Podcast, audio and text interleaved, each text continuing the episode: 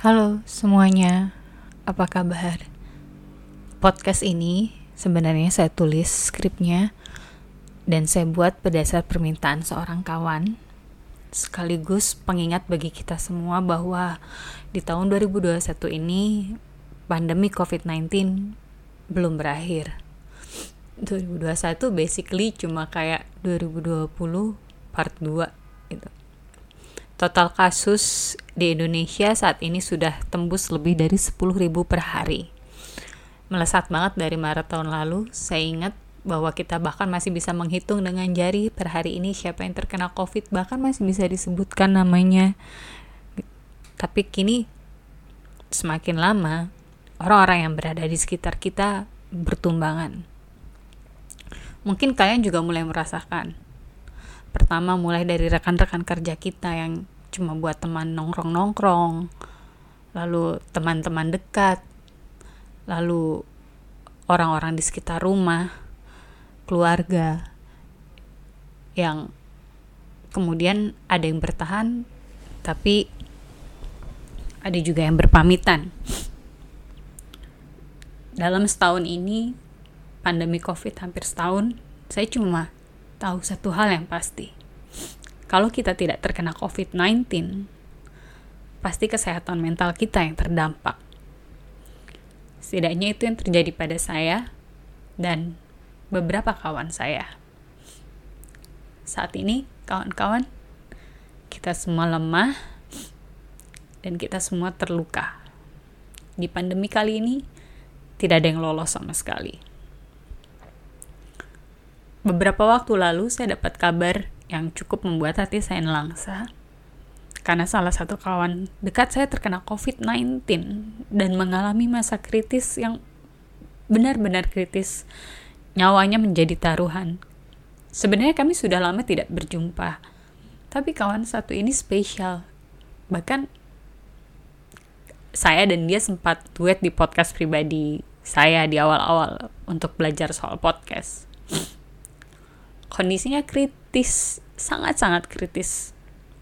Sementara saat itu kita, saya, tidak bisa berbuat apa-apa kecuali berdoa dan membantu seadanya. Apa yang bisa kita bantu? Mencari donor darah. Apa yang kita bisa bantu? Patungan dana. Apalagi yang bisa kita bantu? Kirim makanan. Yang pastinya mengirim doa.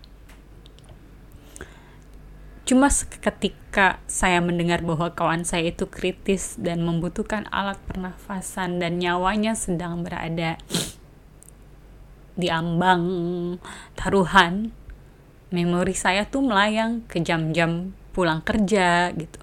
Di mana saya dan dia biasa mampir ke warung burjo dekat kantor untuk sekedar bercanda, berbual, curhat-curhat gak jelas, sampai bikin episode awal-awal podcast yang temanya ngalor ngidul gitu.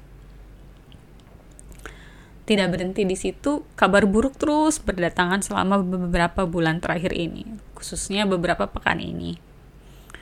Saya juga baru tahu bahwa salah satu teman dekat saya semasa kuliah terkena COVID-19. Saya tahu dia orang yang berdedikasi pada pekerjaannya.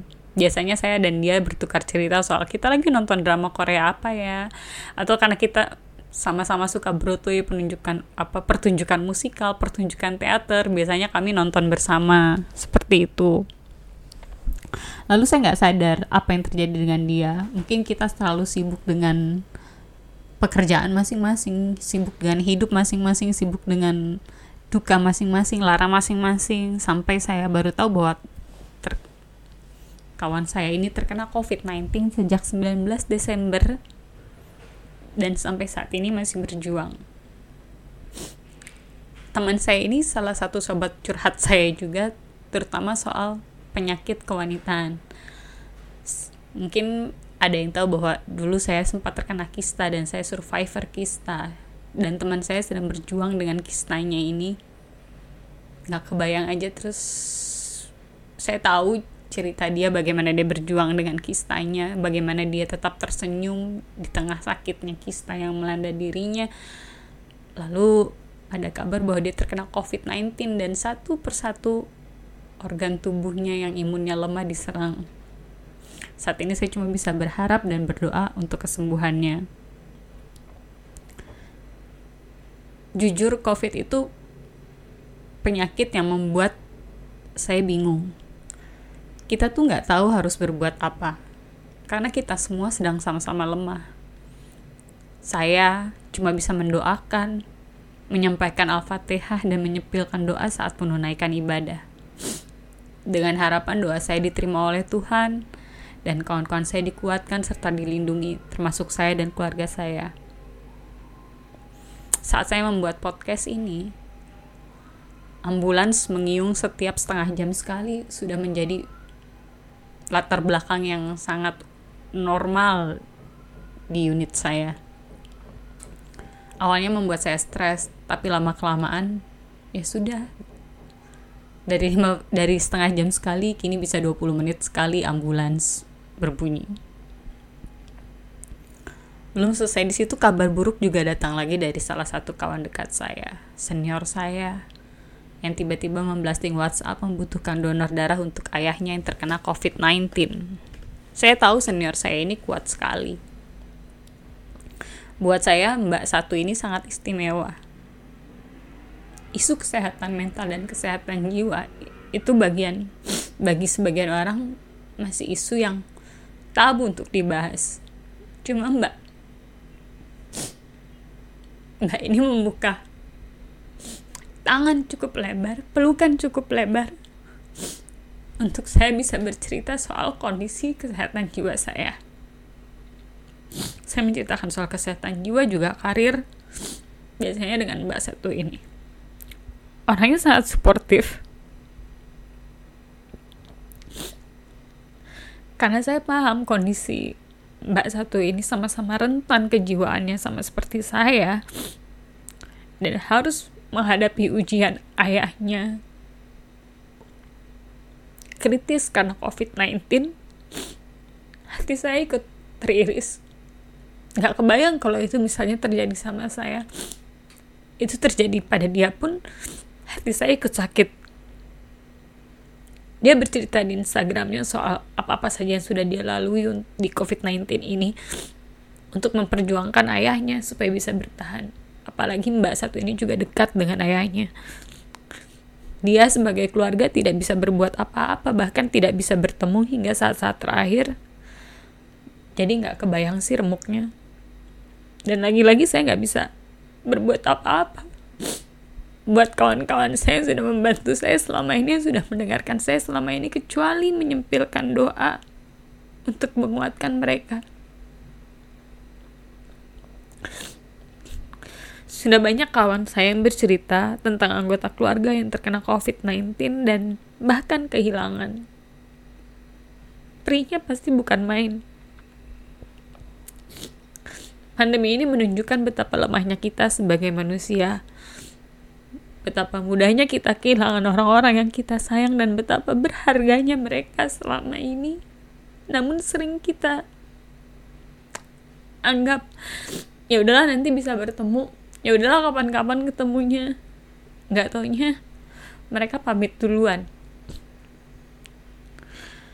kita ditunjukkan betapa lemahnya kita sebagai manusia oleh Tuhan saat ini. Betapa mudahnya kita kehilangan orang-orang yang kita sayang. Kalaupun kondisi fisik kita saat ini baik-baik saja, kondisi mental rata-rata terus memburuk.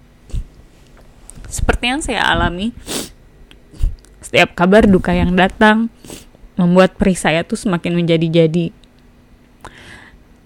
Gimana ya kalau itu kejadian sama saya? Gimana ya kalau kawan saya itu pergi tiba-tiba? Gimana ya kalau itu keluarga saya? Gimana ya cara menghibur supaya kawan saya nggak terlalu larut dalam duka tapi kita semua dibatasi kita harus menjaga jarak secara fisik maupun mental. Ketakutan-ketakutan itu muncul dan membuat anxiety saya makin tidak karuan.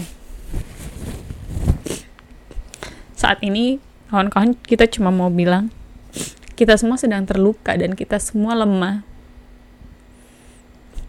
Lalu apa sih yang bisa kita lakukan di saat pandemi seperti ini ketika semua orang terluka, ketika semua orang dalam kondisi lemah? Bertahan. Yang pastinya kita harus bertahan. Kita harus berbuat baik dan kita berdoa. Saya yakin setiap orang saat ini punya luka yang disembunyikan, punya duka yang dalam, kita cuma nggak tahu karena terbiasa melihat dari permukaan. Mulai biasakan berkata yang baik kepada orang-orang terdekat kalian, kawan-kawan kalian, sahabat kalian, keluarga kalian, karena kita nggak akan tahu kapan kita akan berjumpa lagi atau apa masih bisa kita berjumpa lagi. Berkata yang baik, karena kita nggak akan tahu apakah kata-kata kita itu menyakiti orang terdekat kita, baik sengaja maupun tidak sengaja. Mungkin dia tersenyum, tapi hatinya remuk redam. Kita nggak akan tahu, kita nggak akan pernah tahu karena saat ini sekali lagi semua orang lemah, semua orang terluka, Terakhir pastinya berdoa. Kali ini sempatkanlah, panjangkanlah waktu doa kalian satu atau dua menit untuk menyempatkan diri panjatkan doa buat orang-orang yang kita sayang, orang-orang yang sedang berjuang, kawan-kawan kita, keluarga dari kawan-kawan kita, mereka yang bersedia mendengarkan kita di saat kita lemah, mereka yang ada di saat kita butuh, mereka yang mendengarkan kita. Kali ini berdoalah buat mereka. Kita nggak tahu kapan kita pergi. Kita nggak tahu kapan kita pamit atau kapan mereka pamit. Yang kita tahu saat ini, mereka masih ada. Dan ketika mereka masih ada, jaga mereka, sayangi mereka, tanya kabar mereka, peluk mereka jika kalian bisa, doakan mereka. Kita sama-sama menjaga karena kita sedang lemah dan kita sedang terluka. Stay safe buat semuanya. Jangan lupa untuk menjaga orang-orang yang kalian sayang. Bye.